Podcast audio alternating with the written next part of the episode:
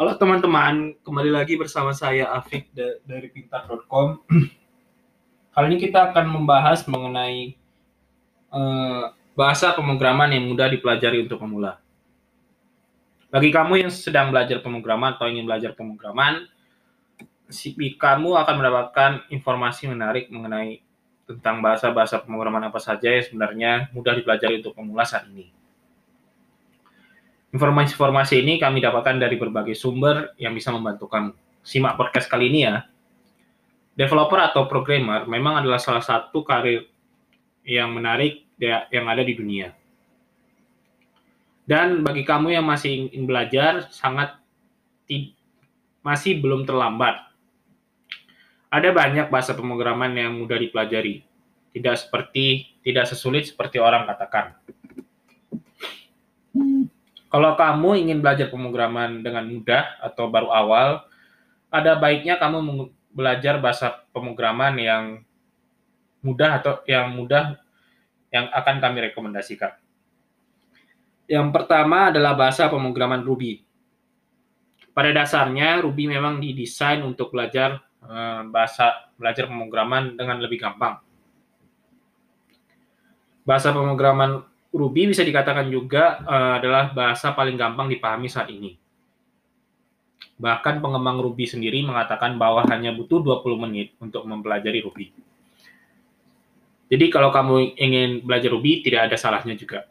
Yang kedua adalah bahasa Python. Belajar bahasa pemrograman Python juga bisa dikatakan tingkatan yang paling mudah. Sangat sederhana. Selain itu, eh, selain karena sifat Python yang open source, sistem yang digunakan merupakan scripting. Jadi orang eh, sangat mudah untuk menginstal ataupun mendapatkan Python. Bahkan untuk orang yang baru belajar coding, Python merupakan salah satu bahasa pemrograman yang sangat disarankan eh, dari dari berbagai sumber. Bukan hanya itu, eh, bukan karena mudah, Python juga sangat terkenal oleh popularitasnya sekarang. Kenapa banyak perusahaan-perusahaan terkenal menggunakan Python?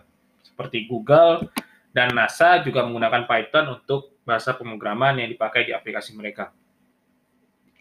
Bahasa pemrograman lain yang cukup mudah untuk dipelajari adalah bahasa pemrograman JavaScript. Bahasa pemrograman JavaScript eh, sangat mudah untuk dipelajari. Dengan belajar JavaScript, kamu bisa membangun suatu website atau atau game platform. Bahkan saat ini dengan belajar JavaScript, kamu juga bisa membuat aplikasi mobile. Memang kalau dibandingkan bahasa bahasa lain, JavaScript tidak terlalu mudah. Tapi kalau kamu bisa mempelajari JavaScript, sangat banyak gunanya pelajari saat ini karena sangat populer dan kamu juga bisa mengembangkan banyak platform. Selanjutnya adalah bahasa pemrograman Java. Bahasa pemrograman Java adalah salah satu bahasa yang bisa dikatakan wajib atau sangat populer atau ya hampir semua programmer mengetahuinya. Oleh karena itu, biasanya juga para-para praktisi programmer merekomendasikan untuk mempelajari bahasa Java se- secara teori dan praktek sehingga kamu bisa belajar dengan baik. Bahasa Java juga bukan hanya untuk membangun sebuah tuh website, tapi juga dengan belajar bahasa Java, kamu bisa membuat aplikasi Android, desktop, bahkan juga saat ini bisa membuat video game. Bahasa lainnya yang mungkin kamu pertimbangkan untuk belajar pemrograman dengan mudah adalah C++. C++ atau saat ini memang masih digunakan di banyak kurikulum universitas atau bahkan sekolah di Indonesia. Kenapa? Karena ya bisa dikatakan C++ sangat lebih mudah lah untuk dipelajari. C++ adalah lanjutan dari bahasa atau atau versi berikutnya dari bahasa C.